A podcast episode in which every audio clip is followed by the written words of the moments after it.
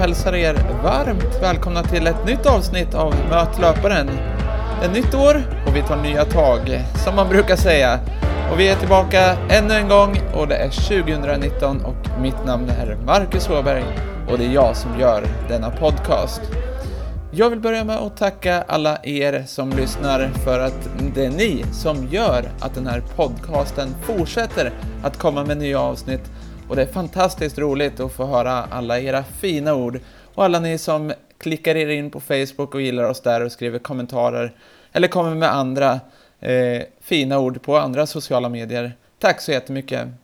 Och för er som inte har visste det redan så har vi fått en ny hemsida som jag kan rekommendera er att kika in på.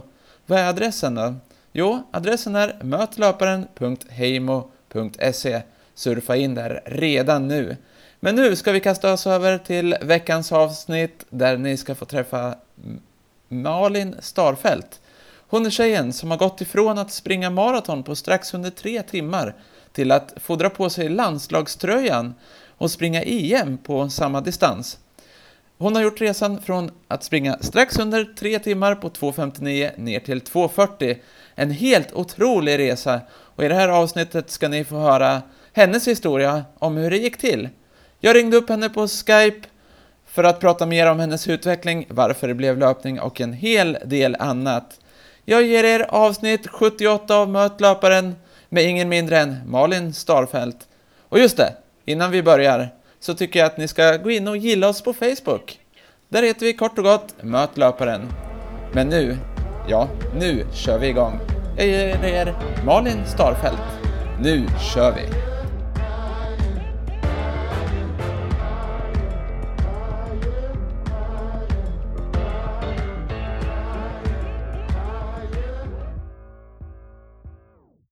Får hälsa dig varmt välkommen till Möt löparen. Ja, tack så jättemycket. Kul att få vara med. Ja, men det är kul att du vill vara med. Eh, det är alltid lika roligt när folk säger ja. Mm. ja det är inte så många som säger nej, men... Eh, nej. Eh, men den här veckan är det alltså Malin Starfelt som är gäst i, i Mötlöparen. Jag brukar alltid ha ungefär samma första fråga. Så du kanske har hunnit förbereda dig nu? Ja, jag har ju hört den här podden några gånger så att jag, jag vet ju att det brukar vara Vem är Malin Starfelt? Ja, men du har ju ställt frågan till dig själv så du kan ju svara ja. på den.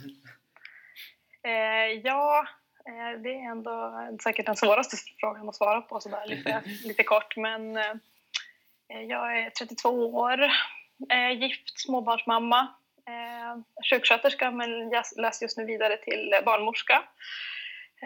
Och löpare då. Säkert en massa andra saker också men podden heter ju Möt löparen så att det är det vi, det vi fokuserar på, löpningen kanske. Ja, precis. Mm. Men eh, vad var det som gjorde att uh, du började med löpning då? Eh, ja, jag har egentligen alltid tyckt om att springa. Alltså jag har känt eh, sen jag var eh, alltså barn att jag har gillat att springa men jag har aldrig hållit på med friidrott eller någon annan sport där man eh, springer. Så att, jag hade häst när jag var liten och höll på med ridning. Jag hade egen häst och tävlade och så. så att, eh, eh, löpning har liksom varit någonting jag haft på sidan. Eh, men jag började springa när jag var 12 år. Eh, för att ja, jag mådde bra av det och jag, eh, jag ville visa fotbollskillarna att hästtjejer inte alls var eh, dåliga. För de fick alltid höra att man liksom var, ja men det var ingen riktig sport att hålla på med hästar för det var hästarna som sprang och så vidare. Så att, jag ville ta dem på Cooper-testet i åttan och då gjorde jag det. Så att, det var så det började egentligen. Ja. det var en rejäl sporre för dig då? Ja, verkligen. Jag blev så irriterad på det där att det liksom inte var en riktig sport som de uttryckte det. Eh, alltså det är väldigt tacksamt att hålla på med maratonlöpning som jag gör nu. Det är ingen som ifrågasätter vad det är man håller på med i alla fall. Det är, eh, det är ganska lätt att förstå eh, med tanke på att det inte är någon bedömningssport. Det är liksom bara löpning och en tid och eh, Eh, alla vet att det är tufft att springa så det är i alla fall lite enklare på det sättet. Men eh, nej, men jag har alltid haft mycket energi och gillat, och, gillat att träna och så. så att, men sen är det bara först senaste åren som jag började sätta upp mål inom löpningen. Eh, men jag, har, ja, jag jobbade väl länge med min grundträning där säkert tio år innan jag sprang en intervall. Så att, det var nog en bra, bra uppbyggnad. Alltså, man brukar ju säga att en grundträning kanske är några månader eller någon månad. Ha några år ja. av grundträning. Då måste du bygga ja. en bra bas, så att säga. Ja, det, det är nog mer värt än vad, vad, vad man kan tänka sig. För jag har ändå haft ganska... Eh, ja, men varit rätt fri från skador och sådana saker. Så att jag tror att... Mm, och jag funderar på vad det kan bero på. Det är säkert mycket det att jag sprang så pass mycket att jag sprang... Ja, alltså, jag kan inte säga precis hur mycket jag sprang när jag var 12 år, men när jag började vara eh, kring 20 så sprang jag nog 3-4 mil i veckan. Eh, bara liksom distanslöpning, alltid i samma tempo, alltid typ en mil varannan dag. Eh, utan att eh, varken springa fortare liksom, eller längre någon gång. Så det blev någon slags grundträning utan att jag tänkte på det. Och det har säkert byggt någon, någon form av grund, även om det aldrig var, eh, fanns någon tanke med det. Nej, men det har ju blivit som, man kan ju säga att det, det var som en eller det har ju lagt det, precis som du säger, du kanske är mer förskonad från skador tack vare det. Ja, men jag tror det. det eh, annars vet jag inte vad det, vad det är för de flesta. Det är säkert kommer jag få någon värre skada förr eller senare också, det är jag övertygad om. Men, eh, men jag har i alla fall kunnat trappa upp till en ganska ordentlig mängd eh, utan att åka på några värre skador. Så det, det tror jag absolut att jag har min långa liksom, grundträning att tacka för. Mm. Så att, eh, det... Men hur är det där då som, eh, nu när du satsar mer just då, just att ligga, man måste ju ändå ligga på den där hårfina gränsen mellan att köra så, så pass hårt att man utvecklas framåt men samtidigt inte dra på sig någon skada. Eh, hur, mm. hur tänker du själv kring det? Ja, alltså jag tycker det är ganska svårt att hitta den där uh, balansen för när jag uh, fick barn för två år sedan så hade jag ju inte tränat så hårt. Jag hade ju tränat för att springa maraton under tre timmar. Uh, och det är klart att man tränar mycket då också men inte på det sättet som jag gör nu. Så då vet jag att jag hade sprungit någon, någon vecka, hade sprungit 12 mil och då minns jag att jag tänkte att det här det här är helt orimligt. Alltså springer man så här mycket så kom, då blir man skadad. Det, det kändes inte bra liksom, i kroppen. Eh, och jag jobbade väldigt mycket då också. Jag jobbade oftast mer än heltid för jag hade en heltidstjänst och så hade jag lite jourer och sånt där. Så det, det, blev nog för mycket totalt sett i livet liksom. Men då blev jag gravid och fick barn och sen när jag började träna efter det så eh, gick det väldigt bra och jag slog liksom pers utan att jag ens har hunnit träna hårt tyckte jag. Så att eh, då tyckte jag, ja men då, då trappade jag upp och Eh, då gick det väldigt bra. Då var jag ju också föräldraledig och hade inget jobb eller ja, visserligen ett barn att ta hand om men eh, det var ändå, jag tyckte ändå att jag fick väldigt bra återhämtning.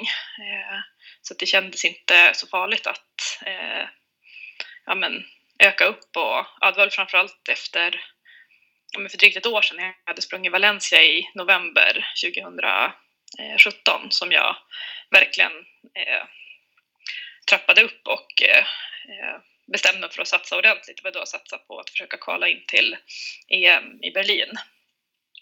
Eh, så då jag kanske kom upp och började springa såna ja, 14-15 mil i veckan. Eh, och jag tyckte det kändes ja, helt okej okay då. Men, men då hade jag inte så mycket annat som sagt. Eh, vi var i Sydafrika och jag kunde träna och min, min man var ledig då och vi kunde liksom ja, jag tyckte jag fick till en väldigt bra helhet.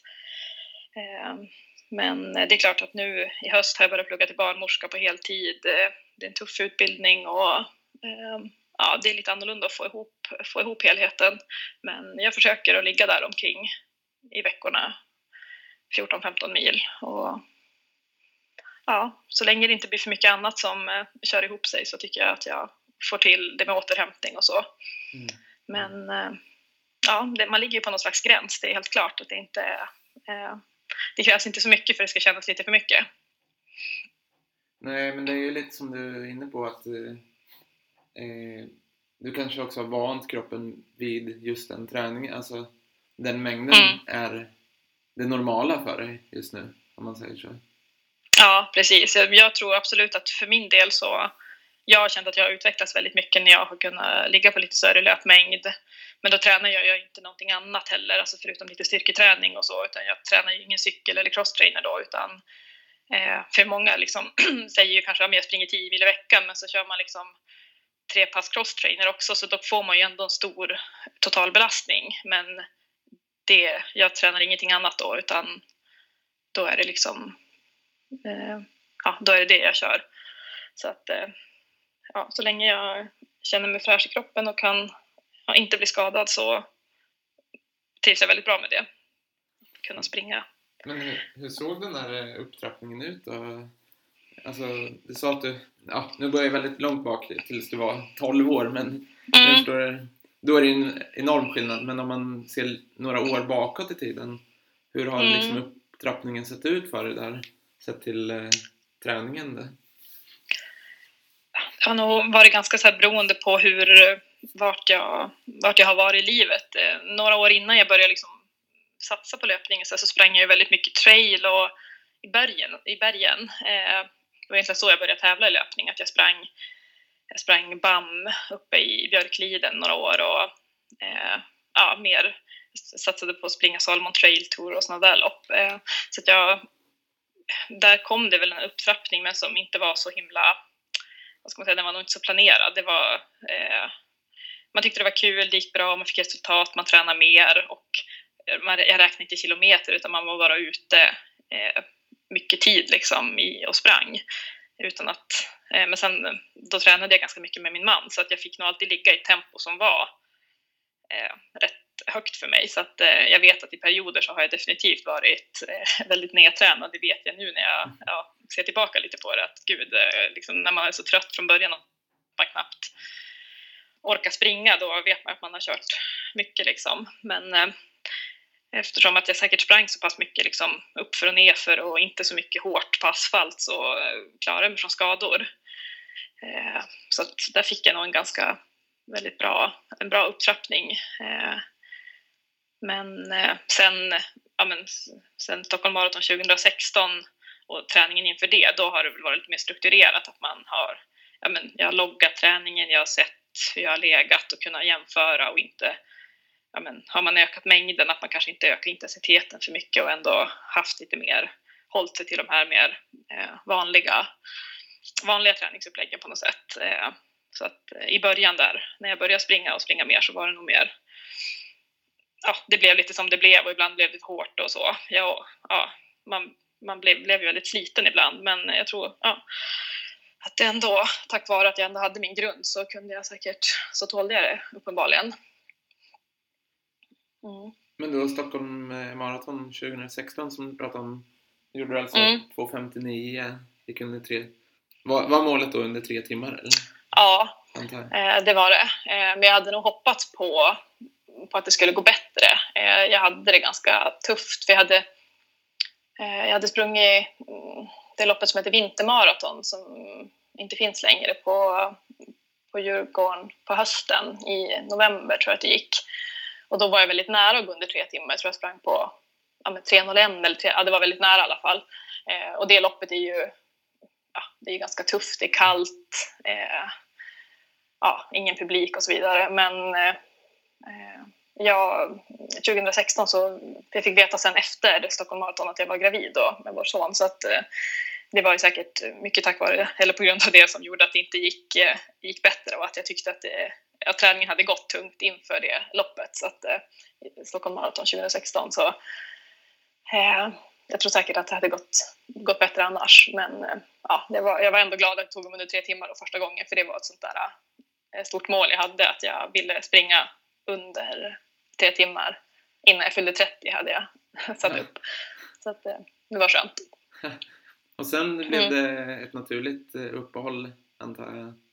Ja, Precis. Jag, när så fort jag fick veta att jag var gravid så drog jag ner träningen ordentligt och ville inte ha, hade inget träningsschema och tränade bara som, ja, utefter hur det kändes. Så det blev väl ja, men, distans och tröskelträning i princip eh, och inget, inget liksom eh, inget planerat utan jag fick dagsformen styra lite mer hur, hur det kändes och sen blev det ett, ja, som du säger, ett naturligt avbrott. Jag ville inte springa hela vägen fram till graviditeten för jag tyckte inte det var kul sista en, två månaderna kändes det inte som att det gav mig någonting så då var det skönt att gå in på gymmet och köra spinning och crosstrainer istället. Och sen likadant när man väl efter förlossningen så är inte kroppen redo för löpning direkt så då blir det ju också alternativträning innan man kan börja trappa upp igen. Mm. Så att, eh, det var nog ganska bra att få en sån period och men, träna lite annat. Men hade du någon eh, slags eh, tanke då efter när du, när du klarade ditt mål under tre timmar på Stockholm Marathon, fanns det ändå någon tanke då att du, maraton är någonting som jag vill satsa på i framtiden?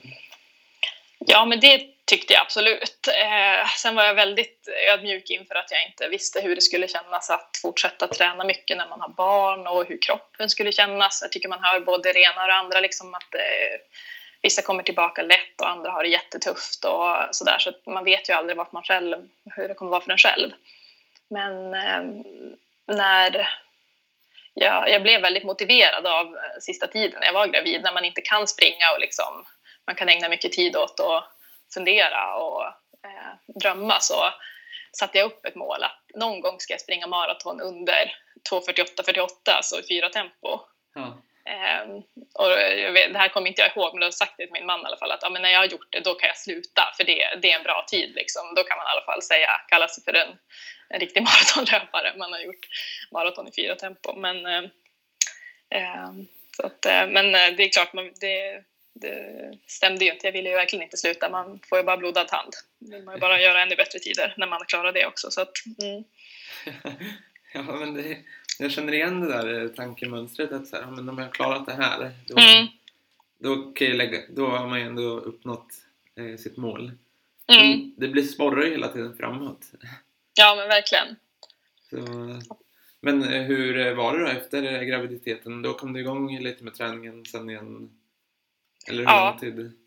Ja, jag körde igång med crosstrainer för det kändes som det bästa alternativet. Eh, dels kunde jag köra det hemma när Frans sov, men det är också väldigt skonsamt. Och, eh, sen ja, men, körde igång lite spinning, lite lättare styrketräning och sen jag trappade upp jätte, jätteförsiktigt när jag började springa. Med var, alltså jag varvade gång och löpning. Alltså det kändes löjligt i början men, men eh, det var ändå så skönt att bara kunna springa när man inte gjort det på flera månader.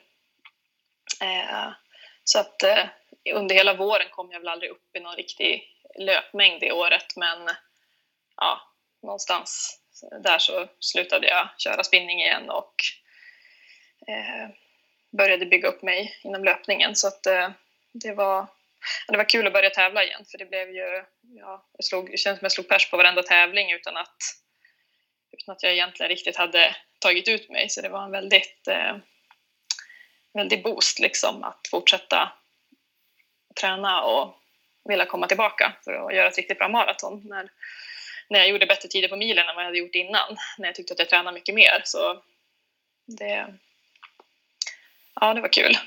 Men kan inte det där eh, liksom, ehm, göra väldigt mycket bra för en? Att man får en positiv känsla trots att du har dragit ner egentligen på träningen naturligt och sen börja träna igen och springer bättre än vad du har gjort tidigare. Mm. Det... Ja, jag minns att jag tänkte att eh, men, ja, det kanske är att man inte ska träna så här, man kanske inte ska träna så mycket. Man, man ska liksom springa så här pass lite att man, är, att man alltid är liksom fräsch i benen och sådär. Men eh, det beror lite grann på hur man, vad man siktar på också. Det är klart att det, det kan ju funka så länge man inte kanske siktar in sig på maraton och längre distanser. Jag tror absolut att om man ska såklart, ska man bli eh, riktigt bra på maraton så behöver man ju springa mycket och eh, så. Men eh, absolut att det, det finns ju ändå en gräns när man, alltså springer man för mycket, blir bara sliten och kan inte springa fort när man ska springa fort, då, då är man i alla fall då är man inne i en ond cirkel som jag absolut har känt på när man känner att det faktiskt kanske har blivit för mycket och eh, ja, men, kvalitetspassen inte får någon kvalitet. Då, då, då, blir det för, då är det för mycket. Men, men jag känner också att jag trivs väldigt bra med att ha en hög distans i veckorna och liksom, det har ju utvecklat mig väldigt mycket, liksom även på kortare, alltså som milen och sådär. Så eh, det, ja, men det är den där balansen som man kommer tillbaka till, att hitta vart, kanske våga skippa något pass när, när det är för mycket annat. Men ja, det är, inte, det är lättare sagt än gjort. så är det. Att fastna i den där onda cirkeln, du nämnde att du själv har känt av det ibland, att eh, man liksom inte får ut riktigt vad man vill få ut på kvaliteten, men det är lätt att bara köra på. Eh, liksom, vad har du för tips där? Att man ska försöka bromsa lite och backa eller eh, hur har du själv gjort när du har hamnat där?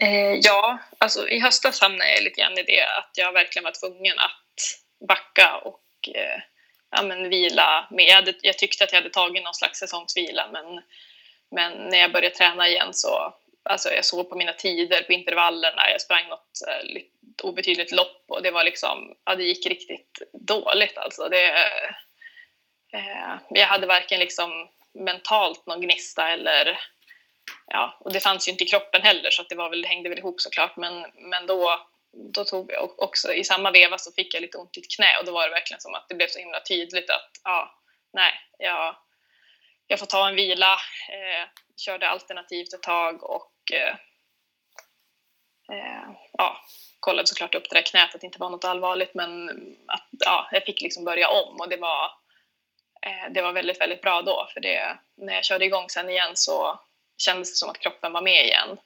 Och då var det så tydligt att oj, varför jag skulle ha tagit det här lite tidigare. Eh, men jag känner att jag lär mig hela tiden och jag har inte varit jag har inte liksom varit med och sprungit på det här sättet så länge så att det är klart att man kan ju inte veta allt från början och samtidigt handlar det om att ligga på den där gränsen som du säger. Det går ju inte bara att liksom gå ut och springa eh, de dagarna man känner sig pigg och peppad för då, då är det nog svårt att bli bra på maraton.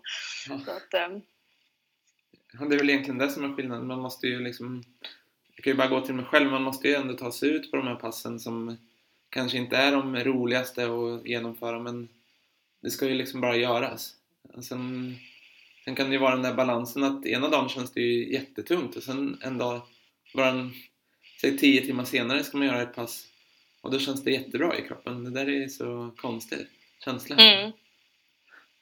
Ja, precis. Jo, det är verkligen, eh, det kan verkligen, det blir så mycket, man vet inte alltid om det är liksom mentalt eller fysiskt eller vad det är, för det hänger ju ihop så mycket och man, ja, det är alltid svårt att separera, men jag känner väl ändå att jag har fått vissa sådana här eh, varit i vissa perioder nu när jag, som jag i efterhand kan konstatera att ja, men där blev det för mycket. Och så jag hoppas att när jag känner så igen att, att jag tidigare kan bromsa och känna att, att nu, nu är det bara vila.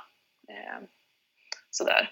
Så att, det, mm. det tror jag nog att jag, det blev även i somras när vi var, var i Livigno och tränade inför EM. Så eh, var första gången på hög höjd och sådär. Så att jag tror att där fick jag också sista, sista svängen där innan det var dags att trappa ner blev också för tuff med facit i hand. Men det måste man också ha prövat, så är det ju. Det, man kan ju inte alltid, safear man alltid så hade jag alltid safeat så hade jag aldrig tagit mig till EM heller. Så det, eh, det är ju så.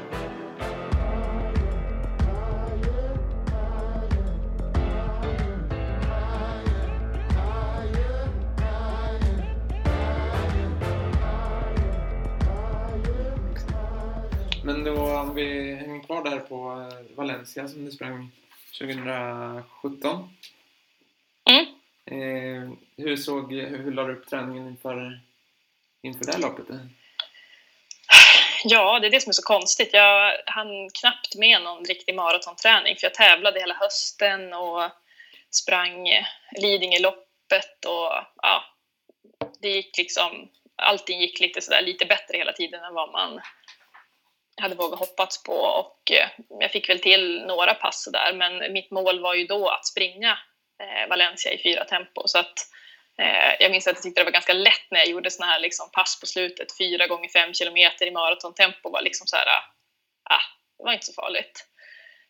Så att det, när jag väl kom på loppet och sprang så kunde jag ju springa fortare än vad jag hade planerat och då har man ju såklart en väldigt skön känsla i kroppen när man eh, ja, nu blir det lite annorlunda när man så fort man flyttar fram målen så helt plötsligt är maratontempot ingenting man bara snyter ur näsan. Mm. så det är, lite, det är lite skillnad. Men eh, jag var nog i väldigt bra form och eh, ja, hade ganska, jag jobbade ju inte och sådär så att jag hade en ganska eh, ja, det kändes som att jag fick väldigt bra resultat av träningen. Men några längre pass hann jag väl med, men jag hade inte sprungit många långpass inför Valencia, det hade jag inte. Nej. Mm. Men hur var känslan då när du ställde dig på startlinjen? Kände du dig osäker eller kände du dig, liksom, det här fixar jag eller hur gick tankarna om du tänker tillbaka? Jag, jag, tror jag var jättenervös för att jag hade inte sprungit maraton på så länge och liksom, jag hade sån respekt bara igen för att ja, men, springa 42 kilometer. Att liksom, hur ska det gå? För jag hade väl ja, jag hade sprungit långpass kanske på 32 så att jag var inte, jag var inte riktigt lika så här, mentalt Eh, förberedd på det här långa. Men eh, jag minns att det kändes bara så otroligt eh, bra. Jag startade ju inte liksom längst fram så det var ganska slitigt i början att ta sig förbi eh, mycket folk liksom och man startar sådär eh, med alla möjliga eh, liksom, tempon. Men, men det var väldigt, eh, ja, väldigt positivt. Jag minns att jag sprang och pratade med någon svensk kille där och det var liksom på ett helt annat sätt än när jag sprungit maraton på slutet när, man är, när det är ganska jobbigt från början. Så att eh, jag, kunde, jag minns att jag ökade någonstans ja, men, kring hälften där och det kändes väldigt bra. Eh, sen fick jag lite magproblem mot slutet men det var inte så farligt ändå. Jag kunde gå i mål med väldigt, väldigt bra känsla och liksom känslan att det fanns mer i kroppen när jag hade sprungit över mållinjen. Så det är ju otroligt kul att springa lopp när det är så och man till och med springer på bättre tid än vad man hade, man hade siktat på. Så att, eh, det gav verkligen mer smak. Vad, vad tänkte du då när du kom i mål och såg vilken tid du hade gjort?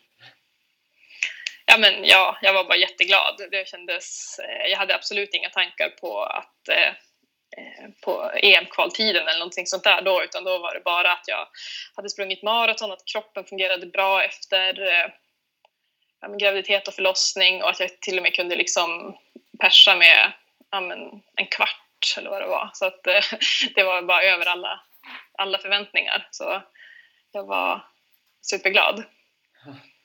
Men sen eh, efter det, då tog du lite säsongsvila eller hur? För sen måste det väl ändå kommit upp i tankar att ja, men jag kan nog eh, sikta mot att EM-kvala? Ja, eh, jag minns att vi, jag och min man, det är min man som lägger upp träningen för mig, att jag, han sa det att ja men, ja men typ, vi började, för att jag tror Mikaela Larsson kvalade ju in i Valencia då. Så det var då det var liksom, ja, ja man började kolla upp vilka kvaltider som fanns och sådär. Och då sa vi bara, ja, fast det är nog omöjligt att eh, förbättra sig så mycket liksom innan sista april som var sista kvaldag. Ja, nej, nej, men det kommer vi inte sikta på, det går inte. Eh, och sen gick det några dagar och sen bara, jo, men det kanske visst går. Eh, och eh, så att det blev ganska kort säsongsvila. Det, alltså så här, det skulle man ju ha tagit längre, men det blev liksom, vi började prata om det, man var peppad. Vi bokade en resa till Sydafrika i februari och ja, eh, så att det blev, jag tog det lugnt någon vecka och sen började jag komma igång. Men jag vill, vill ju ta två veckor egentligen, det tycker jag man ska göra när man har men jag tror mycket var det att jag hade inte liksom tränat så himla hårt inför Valencia så att det var kanske därför det gick bra. Nu skulle jag inte vilja eh, göra så igen, för nu har jag, jag har provat det några gånger och ta för lite vila, så det, det har jag lärt mig lite grann av. Men, men ja, när, när väl tanken hade väckts så kändes det så himla liksom, eh, inspirerande och samtidigt väldigt eh, kittlande, liksom, för jag hade ju aldrig eh, jag hade aldrig tänkt tanken innan att jag någonsin skulle kunna få springa ett mästerskap på det sättet. Så eh, ja, det blev liksom nästan något som man knappt vågade säga till folk att man siktar på för det kändes som att man ja, tog sig vatten över huvudet helt enkelt. Men hur, eh, hur la ni upp eh, jag tänker mig att ni la upp träningen, eller din man då la upp träningen för er annorlunda jämfört med inför Valencia? För ni måste väl ha ja. Eh, nivån en biten? Ja, det var vi tvungna att göra såklart. Eh, så det blev en väldigt lång period av eh, ganska specifik träning inför Hamburg då, som jag skulle springa i slutet av april. Eh, jag började ju som, ja men, väl någonstans i mitten på december då, när jag hade vilat lite grann och kom igång efter Valencia och sen körde jag rätt hårt ganska många månader och så det blev ganska lång förberedelse egentligen. Men eh, det blev lite så eftersom att vi åkte till Sydafrika i februari och sen kom man hem och fortsatte träna hårt och så. så att, men jag tror, det, var, blev ändå, det blev ändå rätt bra. Eh, och jag kände mig, väldigt, jag kände mig i jättebra form när jag ställde mig på startlinjen till Hamburg. Så det var, det, den träningen gav ändå väldigt mycket. Men eh, jag minns att det var, det var obehagligt att liksom ändå trappa upp de här mängderna. Man, ja, jag vet inte, när man väl har satt upp målet och börjar jobba för det så liksom man börjar tänka så här stressfrakturer brukar folk få när man ja, kommer upp i de här distanserna så det blev, det blev så mycket annat. Det blir så mycket annat att tänka på också med återhämtning och mat som blir en väldigt liksom, central del och äta mycket och så. så att, eh, ja, det blir lite annorlunda sätt att, att träna när man ligger på de mängderna som jag inte hade gjort innan. 14-15 mil i veckan. Men hur kunde ungefär en träningsvecka se ut då? Bara, för att man, bara så att man får lite inblick i hur, hur det kunde se ut för Ja, men typ så att jag kanske hade eh, kanske hade en lugn dag på måndagen för jag hade sprungit långpass på söndagen så en lugn dag kanske var liksom bara en mil distans, lugnt. Eh, tisdagen då eh, jag sprang väldigt mycket i maratonfart så att eh, ofta så eh, sprang jag, eh, om vi tänker när jag var i Sydafrika, sprang jag på en eh, 400 meters gräsbana eh, i maratonfart i olika, oftast någon form av stege där jag kanske kom upp i en total mängd av 19, 20, 21 kilometer i maratonfart totalt, men inte alltid så långa liksom, sekvenser, men ändå några kilometer styck sådär. Eh, två, tre kanske. Och sen eh, något pass, kanske på torsdagen med lite, lite högre fart, kortare. Eh, och, eh, och sen ett långt pass på helgen som eh, oftast gick kanske kring 90 procent av tänkt maratonfart. Eh, jag försökte komma upp i ja, men verkligen trappa upp långpassen till att de på slutet var kanske 38 kilometer. Och däremellan då bara distanspass och eh, så. Så det blir ganska ofta, eh, blir rätt ofta dubbelpass då såklart för att komma upp i, i distans. Eh, och kombination med lite, lite core-träning och lite enklare benstyrka. Men det blev ganska lite benstyrka när jag tränade där inför Hamburg, för vi var borta och jag hade inget gym och ja, jag tränade så pass hårt löpning att jag inte riktigt eh, kunde fokusera på det också just då. Men eh, nu försöker jag att spara ett styrkepass i veckan med ändå lite lättare styrketräning för att inte tappa för mycket.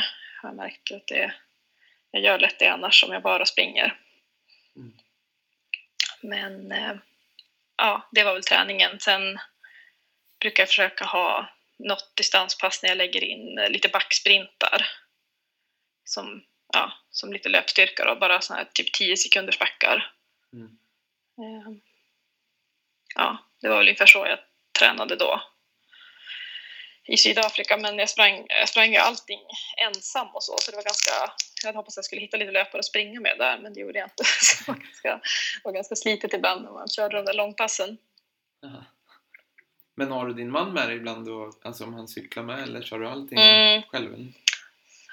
Eh, alltså oftast, idag när jag sprang långpass så cyklade han med mig men eh, när vi var där så hade vi ingen som kunde ta hand om Frans så då, då hittade jag som en, typ en grässlinga som var, jag kommer inte ihåg vad den var, men så här två kilometer kanske. Ja. Så att, eh, då kunde han vara där på den gräsplanen som var i mitten Eh, jag tror det var en rugbyplan eller någonting, så att eh, då kunde han vara där med Frans och så langa vätska och sådär. Så att eh, det blir ändå liksom lite positivt att man, man vet att varje varv kommer man träffa dem och man får lite hejarop och ja, lite sportdryck och så. Mm. Så det, jag tycker ändå det gör ganska mycket, bara att man vet att det händer någonting kul liksom, om man inte har någon löpare man springer med. Något som bryter av liksom i, i träningen? Alltså... Ja, ja, man behöver någonting att se fram emot. Men vilken av de här delarna tyckte du var, var tuffast att ta sig igenom? Av, eh, dels är det ju att du var tvungen att höja träningen, men vilket tyckte du var jobbigast? Och, alltså dels att springa ganska långt i maratonfart. Eh, mm. Eller var det själva att höja mängden? som var utmaningen om ni ser på det nu? Alltså just där eh, och då så, det var nog just farten som jag tyckte var tuffast faktiskt. Fart känns alltid som att det är det som är, som att jag inte kommer från någon liksom bakgrund med medeldistans eller någonting så blir ju jag oftast snabbare även på liksom korta distanser av maratonträning just för att jag aldrig har tränat eh, för att bli riktigt snabb. Så eh, ja, just när maratonfarten börjar närma sig ens miltempo då är det såklart att det, det tycker jag det är väldigt tufft.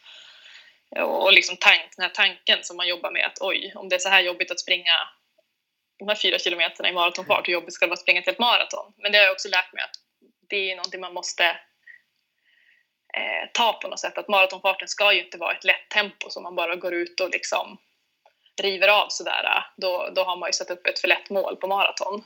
Eh, så är det såklart kanske när man börjar springa maraton och man siktar på att springa på fyra timmar. Då blir ju maratontempot inte så tufft. Men när man börjar komma ner under tre timmar så blir det ju det och då eh, ja, så det har jag väl lärt mig att så, så är det ju och det, det ska man inte fokusera så mycket på. För sen när man väl står där på startlinjen så har man vilat och är fräsch och ätit bra förhoppningsvis och allting.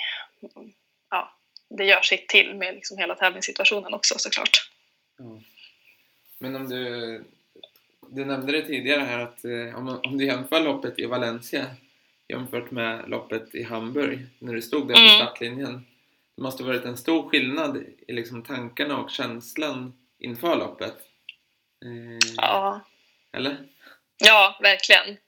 Verkligen. Valencia var ju liksom bara, ja men, jag hade ju mål men det var ju inte liksom lika uttalat och ja, eh, det var ju liksom mer som ja, men det är kul att springa ett lopp och liksom se hur det går. I Hamburg har jag aldrig haft ett så tydligt mål någonsin när jag har sprungit ett lopp tror jag. Det var liksom, jag hade lagt upp hela min träning hela vintern efter att jag ska, jag ska ja, tanken var att jag skulle springa under 2.38 för jag ville, vara, jag ville verkligen vara säker på att få en plats eh, till EM. Eh, nu kom jag ju med tack vare att vi hade lag eh, mm från Sverige då, men det var väldigt eh, jag hade mycket, mycket tuffare för jag, jag fick redan efter halva loppet fick jag väldigt stora problem med magen och loppet blev supertufft. Eh, jag, eh, säkert mellan ja, men 23 och 33 kilometer så sprang jag och kände att jag ville kräkas hela tiden och mådde riktigt, riktigt dåligt. Och,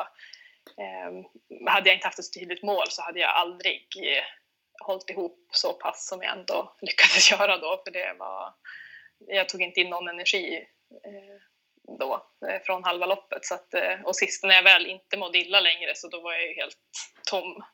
Så att eh, det, ja, det, var, det var tufft men det var häftigt att se vad man kan göra ändå när man är motiverad. Ja. Faktiskt. Så när det blev, när det blev uttagen då till EM, hur var, hur var känslan då? Ja, men, fantastisk. Det, det var verkligen kul. För jag, när jag, sprang, jag var ju ganska besviken över 2.40 när jag kom i mål. Eh, just för att jag, att jag hade börjat må så dåligt och tempot gick ner då. Och, ja.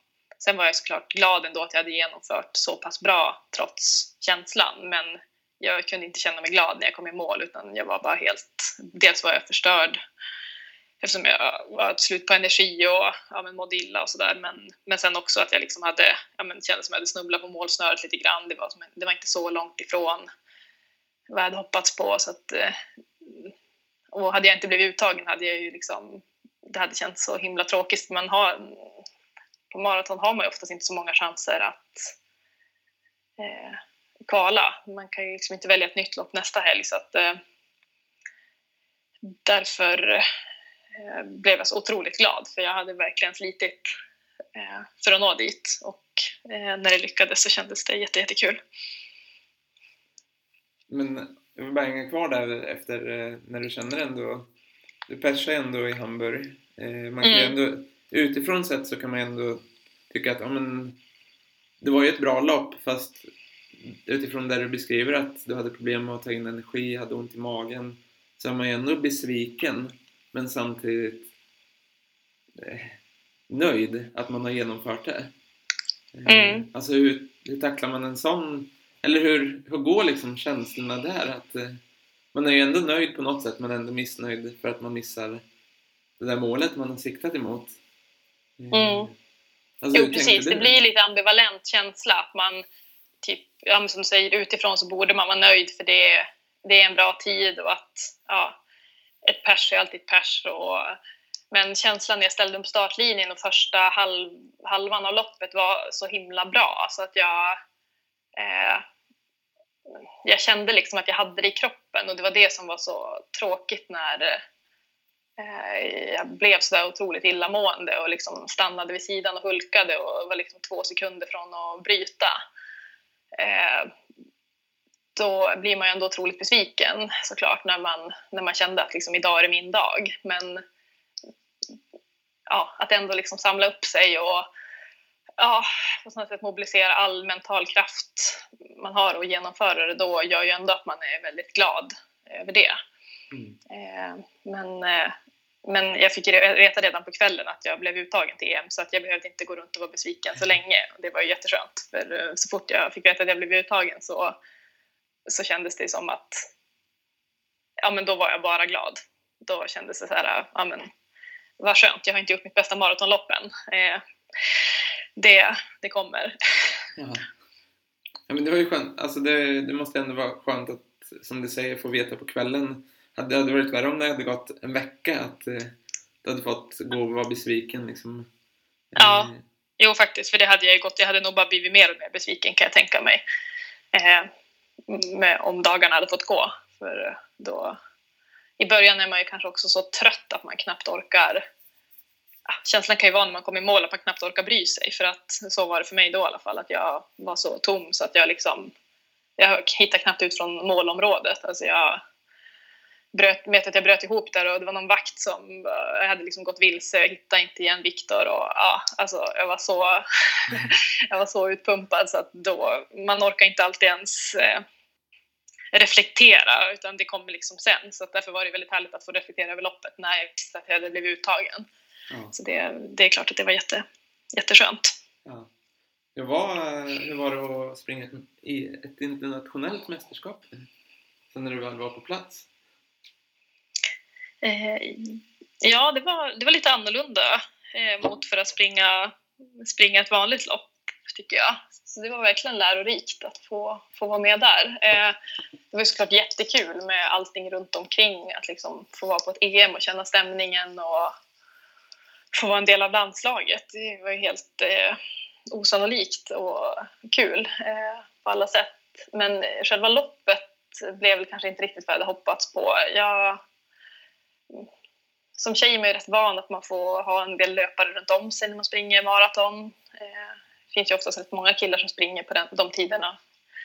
Eh, men eh, det var ju såklart inga killar och man ja, det, det, är inte så många heller så att det går ganska lätt att man, man blir ensam och det var precis det som hände. Jag hade kanske inte riktigt tänkt på det så jättemycket att det skulle kunna bli så så att eh, Eh, skulle jag få chansen en gång till att eh, springa ett mästerskap så skulle jag vara mycket noggrannare med att se till att hitta en klunga och kanske även om inte tempot var precis vad jag hade tänkt mig att tänka att det är bättre att vara här ett tag ändå och ha lite draghjälp och ja, så. Så det blir ganska, det blir ganska tungt att springa ett maraton ensam. Eh, som det blev för mig nu. Jag hade väl lite sällskap första två, tre kilometerna, sen hade jag inte det och då eh, det är tufft att hålla tempot uppe. Helt klart. Men, eh, nej, men det, jag lärde mig jättemycket och totalt sett var det ju en jättepositiv upplevelse att få vara med och genomföra loppet. Mm. Även om jag inte är nöjd med tiden så eh, var det väldigt, eh, kunde jag ändå känna mig ganska nöjd just då att jag, ja men att liksom, ja, i alla fall så har jag sprungit ett EM. Eh, och eh, ja, laget fick ju en bra placering också. Det, ja, det var jättekul. Men hur är det där eh, just att om man kollar eh, på damsidan inom maraton just nu, svensk eh, löpning. Där är det ju väldigt många som går bra, går framåt och utvecklas. Alltså, hur mycket inspireras du själv av andra? Eh, av de andra i laget också kan jag tänka mig. Ja, men det är jätteinspirerande tycker jag. Eh, det, jag tror inte att det är positivt om man liksom om, det, om man inte skulle ha andra bra maratonlöpare runt om sig. För skulle man liksom sitta och känna att ja, men ja, det, här, det här vinner man ju SM på om man springer så här. Alltså då, det, det tror inte jag är lika utvecklande. Det är väldigt bra att man kan springa eh, lopp liksom här i Stockholm och eh, göra ett riktigt bra lopp men ändå få en halv taskig placering för det är verkligen sporrande eh, med så många bra tjejer och det är många som tränar hårt och vill bli bättre och det gör ju att man ja, man inspireras och sporras verkligen. Eh, så det är jättekul. Det, det tror jag är viktigt för utvecklingen. Men hur mycket lär du dig själv av, eller pratar ni mycket med varandra om hur alltså, olika träningsupplägg? Nu vet jag att din man lägger upp träningen men man kan ju ändå mm. hitta, kolla på andra och inspireras. Liksom. Kanske ska mm, ja, men det är det är en avvägning också på något sätt att, eh, att inte inte liksom hamna... Det är, det är jättemycket, jättemycket värt att liksom utbyta erfarenheter och prata om träning och så vidare. Men, men inte att liksom helt eh, bara eh, jämföra sig med andra och liksom tänka att ja, hon gör så, då ska jag göra så. Liksom, utan man ändå har att, eh, att eh, tänka på sin egen helhet och sin egen situation också. Att man är liksom eh, Eh, man, alla är ju på helt olika ställen i livet och man har helt olika alltså dels har man väl olika förutsättningar men ja, på något sätt så framgång kommer och går också. Det är väl också någonting man måste lära sig att det är, ibland kommer man i ett flyt och ibland eh, är man inte i ett flyt och när man inte är det att verkligen mm, försöka träna utifrån där man är. Det var verkligen något jag lärde mig efter min höst när jag inte kände att jag var i någon vidare form, att jag ja, jag började träna mycket mer pulsbaserat och liksom, eh, istället för att bara liksom bestämma sig för ett tempo och pressa sig igenom det till varje pris så tränade jag efter pulsen och kände att jag kunde börja tåla träningen igen liksom, istället för att bara tänka att ja, men det här är mitt tröskeltempo och så kör man fast det blir inget tröskelpass. Eh, det, det funkar inte heller så att det gäller ju på något sätt att äh, inspireras på, på rätt sätt av varandra. Ja. Men äh, det, eh, ja, men det tycker jag ändå är, det är väldigt positivt. Det är jättekul att så många, så många satsar. Men det gäller ju liksom att hitta balansen också utifrån, precis som du är inne, inne på, man har ju olika livssituationer. Så man, det är svårt att jämföra med en som kanske har en annan situation i vardagen som kan träna på ett mm. annat sätt. Eh, och jag tänker just i ditt fall, eh, hur, det tar ju ändå mycket tid och hur lyckas du liksom få ihop allting i vardagen med att träna på den nivån som du ändå tränar på? Eh, ja, det blir, verk, eh, det blir rätt tydligt nu när jag pluggar att, att det liksom, man verkligen eh, får välja eh, vad man vill lägga krut på i vardagen. Eh, det blir ju inte så mycket annat än eh, familjeliv och löpning och eh, ja, plugg då såklart. Eh, som i veckan att ja, men, har jag skrivit tenta och man har suttit och pluggat mycket på kvällarna och det har blivit, ja, men, man har sovit mindre och det har blivit, det blev liksom tufft generellt.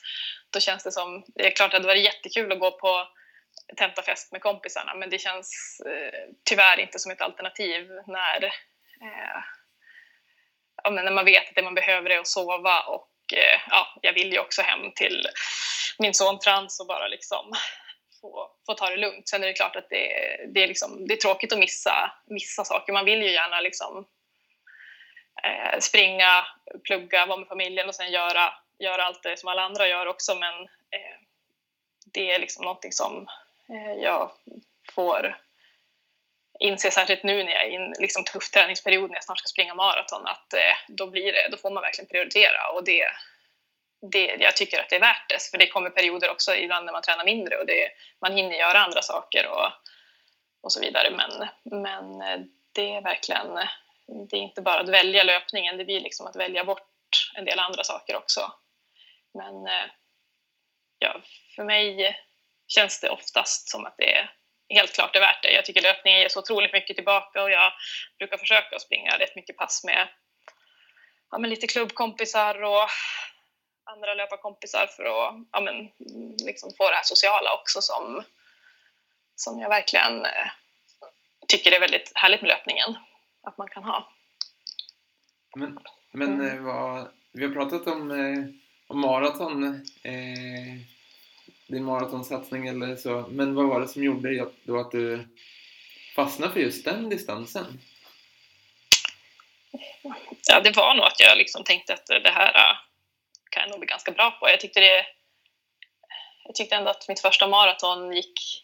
Men det var också så att det gick fortare än vad jag hade tänkt och jag tyckte inte det var så farligt att springa så långt. Liksom. Jag, ja, jag har alltid liksom tyckt att det känns mycket jobbigare att pressa mig att springa fort på en kort sträcka. Eh, så att jag tror att det var det, att jag kände att men, det är inte så eh, det är inte så jobbigt liksom. Sen, sen är det jättejobbigt att springa maraton, eh, det tycker jag ju såklart nu. Men inte så där första gången man gör det så var det inte så farligt. Så att jag hade väl... Jag fick väl någon slags känsla att ja, men det här kan jag, nog, kan jag nog bli ganska bra på jämfört med, ja, med typ milen och sånt som jag aldrig trott att jag skulle kunna göra några vidare tider på. Men eh, ibland överraskar man sig själv där också. Men, men ja, det var nog så tror jag, att jag ja, tyckte det gick ganska, ganska lätt. Sådär. Men då när du började, liksom, trodde du någonstans att du skulle få springa ett eh, internationellt mästerskap som du har fått göra nu? Nej, det hade jag aldrig, aldrig kunnat tro. Alltså det, det fanns inte på kartan. Alltså bara att vara med på SM tyckte jag var helt otroligt första gången. Eh, och liksom, ja, att komma någonstans liksom ja men, jag vet inte var jag kom första gången jag var på SM, men alltså sådär 10, 11 eller vad det kan ha varit, 12 kanske, eh, jag vet inte. Då, det tyckte jag var superstort och liksom, jag tänkte någon gång ja, om jag liksom kommer ner och springer liksom kring ja, 2,50 liksom då, och, och, kommer ganska bra till på SM, det skulle ju vara liksom det skulle vara helt otroligt. Ehm, så att ehm, och det var någonstans i den vevan som det började bli riktigt många bra svenska tider. Så att, eh, ja, jag blev väldigt eh, inspirerad att se hur bra just jag kan bli. Liksom. Ja ja man brukar säga att framgång föder framgång. Det är, det är verkligen så det har varit nu på damsidan. Mm, verkligen. Får hoppas att det kommer på herrsidan också. Ja, jag tror att det är på gång. Men eh, vad, vad, är det då som, som driver dig till att sticka ut och springa så mycket som du... Alltså, vart hittar du din drivkraft till att göra det där som du satsar på? Ja, drivkraft. Alltså, jag har, en drivkraft är nog verkligen just det här att jag vill se själv hur bra jag kan bli. Och eh, det är just det som jag drivs av, mer än själva tävlingssituationen. Eh, om jag ser tillbaka på min säsong nu 2018 så är det verkligen de loppen när jag tävlar mot mig själv som jag har presterat allra bäst och varit mest nöjd. Så det är nog det, liksom att utmana just mig själv och inte bara just den här... Alltså det är klart att jag är tävlingsmänniska också, men framför allt så, så drivs jag verkligen av att se hur bra just jag kan bli. Eh, för hur bra vad alla andra gör, det liksom varierar från gång till gång och som du säger så just nu så finns det otroligt många duktiga tjejer i Sverige och eh, så att, att bara liksom tänka liksom SM-medaljer och sådana grejer tycker jag känns...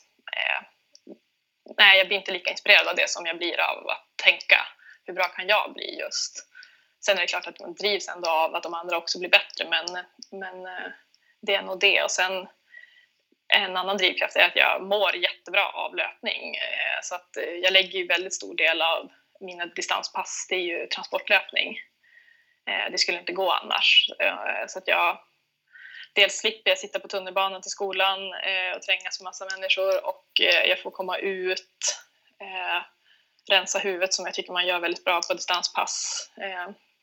Så att de delarna mm, tycker jag gör att, man, att jag ändå orkar genomföra det. Skulle jag gå ut varje pass att liksom hemifrån att springa så här många mil, då skulle jag inte hinna, eh, hinna plugga och så. Men eftersom att jag lägger mycket distans till och från skolan så, där, så är det ju många mil som inte tar mig någon tid egentligen, för jag måste ändå ta mig till skolan.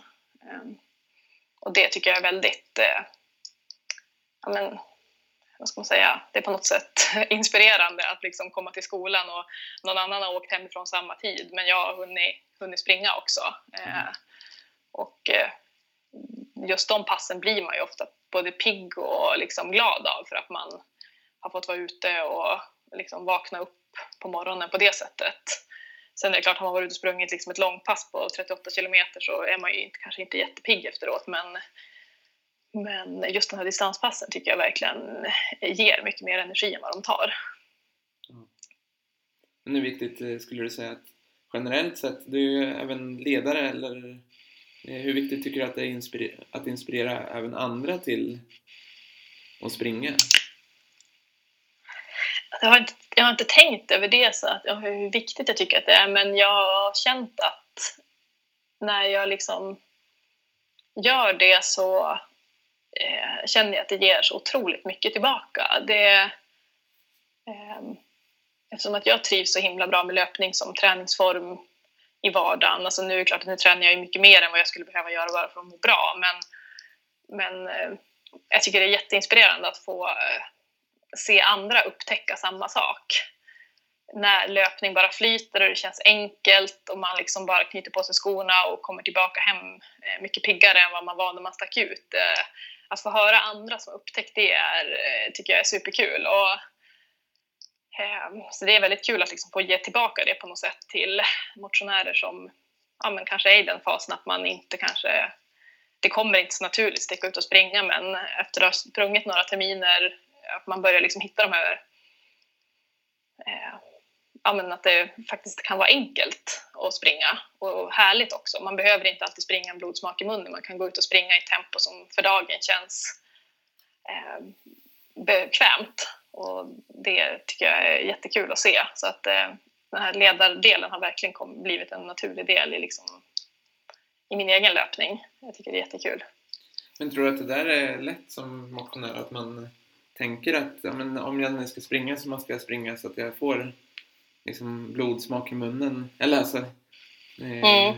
när man inte har samma... Ja men det är det man har läst, att när du springer så måste det gå så måste du bli trött. Liksom. Det ja, ja, det tror jag är ett jättevanligt, alltså särskilt så nybörjarmisstag. Att man, att man, att man, jag har hört många som säger att men, om man inte springer hela löprundan, men då, då ger det ingenting. Man får inte gå i en uppförsbacke eller något sånt där. Och det, eh, det gör jag ibland. Alltså, det är ju ingenting som... Eh, det är så himla fel på något sätt att man tror att det måste vara stenhårt. Och det är det som gör att många börjar och kommer igång och sen ja, men så har man liksom ångest inför att gå ut och springa för att man vet att man, ja, men det kommer vara jättetufft. Eh, men när man lär sig att man kan springa ganska, ursäkta, i ett ganska behagligt tempo och man går framåt ändå, då tror jag att det, det gör att man fortsätter. Ja, men det där, liksom, jag har tänkt på det där ganska många gånger själv, att så här, när jag hör andra säga att, eller prata eller skriva på Instagram eller så att jag springer så att jag har blodsmak. Jag diskuterade med en kompis om det här. Jag tror inte att jag själv... Jag kan inte minnas när jag själv hade blodsmak i munnen. Liksom. Eh. Nej. Nej, men precis. Det är, liksom, det är inte så man tränar utan löpning bygger ju så mycket på kontinuitet och eh, menar, att, man, att man tar sig ut och liksom inte gör tre hårda pass på en vecka och sen måste man vila i tre veckor. Det är, liksom, det är ingen som har blivit en snabb löpare av det. Mm. Så, att, eh, så länge man kommer sig ut och känner att man kan fortsätta och känner att det ena passet gör att man vill ge sig ut på nästa, då, då kommer man ju utvecklas. Men det är ju det, det är väldigt många som inte tränar så såklart. Men jag, ja, i alla fall sprang ju jag väldigt mycket liksom bara distansfart och det är klart att det finns ju en gräns hur mycket man kan utvecklas då men jag sprang ju inte långsamt när jag sprang mitt första halvmaraton utan det är liksom man, man kommer ganska långt på att, att få lite mängd i benen och hitta ett eh, ekonomiskt löpsteg. Så att, eh, och jag tror att det är många som känner att men, aha, måste man inte springa så att man ligger ner och håller på att kräkas? Men, aha, men då är det ganska då blir det mycket roligare. Och sen hela grejen att man springer i grupp som man gör i Run Academy, det, det är otroligt eh, kul. Man ser, man sporrar varandra och det blir, blir en väldigt positiv stämning. Mm. Det är ju så mycket mer också, bara just det här den sociala biten också. Liksom. Mm, I, i ja, verkligen. Och det, det är bra att liksom få lite perspektiv också. Jag, man pratar mycket med liksom, men andra, jag springer en del med Johanna Bäcklund i Run Academy och hon, ja, hon tränar också jättemycket och man liksom är inne i det här och man, ibland blir man nästan fartblind för vad man håller på med så att eh, det är ganska, det är väldigt kul att prata träning med ja, men, de som kanske springer två, tre pass i veckan och vill förbättra sina tider och, och att, eh, ja, men att man, ja, men löpning kan vara på så himla många olika sätt. Och, ja, det, jag, tycker, jag gillar liksom hela, hela spannet av det för jag har själv varit motionär i väldigt, väldigt många år och jag tycker att det är, det är en helt oslagbar träningsform mm. att ha i livet oavsett om man vill förbättra sig eller inte. Så, ja. Men nästan alla kan ju hålla på med det. Alltså... Ja, precis. Och det behöver inte ta mycket tid och det behöver inte vara krångligt och man behöver inte passa någon tid om man inte ja, springer med någon grupp eller så. Så det är mycket som, som gör att man kan få in det i livet liksom, oavsett om man har ja, små barn och sådana saker som gör att man har svårt att ta sig iväg på ett gym till exempel som många har ett motstånd mot, vilket jag förstår för det, det kan kännas ganska jag tycker själv ibland att inne på ett gym att det, ja, men det känns instängt. Man, eh, ja, men att få komma ut kanske ja, men i skogen eller någonting annat gör ju liksom någonting helt annat med en än att stå och stirra i en spegel på sig själv. Liksom. Ja, verkligen. Mm. Men om vi blickar framåt eh, för din eh, del här. Nu tränar du inför eh, Zürich. Sevilla. Sevilla. Ja. ja. Precis. Eh, ja, i mitten på februari ska jag springa maraton igen, har jag tänkt. Så att, eh, det, det ska bli kul. Jag börjar, börjar så sakteliga mig eh, lite redo för maraton igen faktiskt. Så att, eh, har lite, lite, några ordentliga pass kvar innan det är dags att trappa ner, men eh, det ska bli jättekul. Vad, vad är målet där? Eh, jag har faktiskt varit lite försiktigare den här gången att sätta upp, eh, sätta upp mål. För när jag börjat, när jag som började träningsperioden för det här eh, loppet så eh, gick det inte så jättefort på mina pass. Så att, eh, jag kände verkligen att det var viktigt som, att verkligen träna men där jag är och inte bara där jag vill vara. Som jag verkligen, så tränade jag lite mer inför Hamburg, att jag liksom bara bestämde mig för en tid, kvaltiden och så körde jag. Och jag kände inte riktigt att jag mentalt var var där den här gången. Men det har gått, det har gått väldigt bra att träna. Det har verkligen känts som att varje pass har liksom gett någonting. Eh, och jag har kunnat trappa upp ganska ordentligt både intensiteten och mängden igen. Så att eh, nu känns känns, eh, ett pers inom, inom räckhåll. Så det kommer jag göra allt för att springa ett, pers på maraton. Ja. ja, men det håller jag tummarna för att du lyckas med. Tack. Eh, det känns som att vi har fått med... Eh, känner du själv att det är någonting som eh, vi har missat här? Nej, jag tycker vi har pratat om både det ena och det andra. Det var ett mm. jättebra samtal. Ja, men det, det, är alltid roligt att prata med andra, som, med andra löpare, så att säga. Mm. Det är det. Men som sagt, jag får önska dig lycka till på kommande lopp här. Under Tack så jättemycket. Så lär vi väl se, synas ut på banan. Det gör vi säkert. Ja. ja. Vad bra. bra. Tack, tack så mycket för att du ville vara med återigen. Tack själv. Ja, ha det bra nu då. Ja, Hejdå. hej. Tack så mycket för att just du har lyssnat på detta avsnitt av Möt löparen. Och det här var alltså avsnitt 78 i ordningen och ni fick träffa Malin Starfelt jag tycker det var väldigt spännande att få träffa henne och jag önskar henne stort lycka till i framtiden. Jag hoppas att hennes utveckling fortsätter gå framåt. Är det så att ni vill komma i kontakt med mig, då gör ni det enklast genom att surfa in på motlöparen.heimo.se Och där kan ni fylla i ett kontaktformulär där ni kanske kan komma med tips på vem jag borde intervjua eller något helt annat. Jag finns även på sociala medier där jag heter Aberg Marcus, både på Twitter och på Instagram och så finns jag såklart på Facebook där jag heter Marcus Åberg. Och eh, vi är snart tillbaka med nya avsnitt igen. Och just det, hörni, om ni gillar den här podcasten, vilket jag hoppas och tror att ni gör, surfa då in på Facebook och gilla oss där. Där heter vi Möt löparen. Nu hörs vi snart igen. Ta hand om er så länge. Ha det bra. Hej då.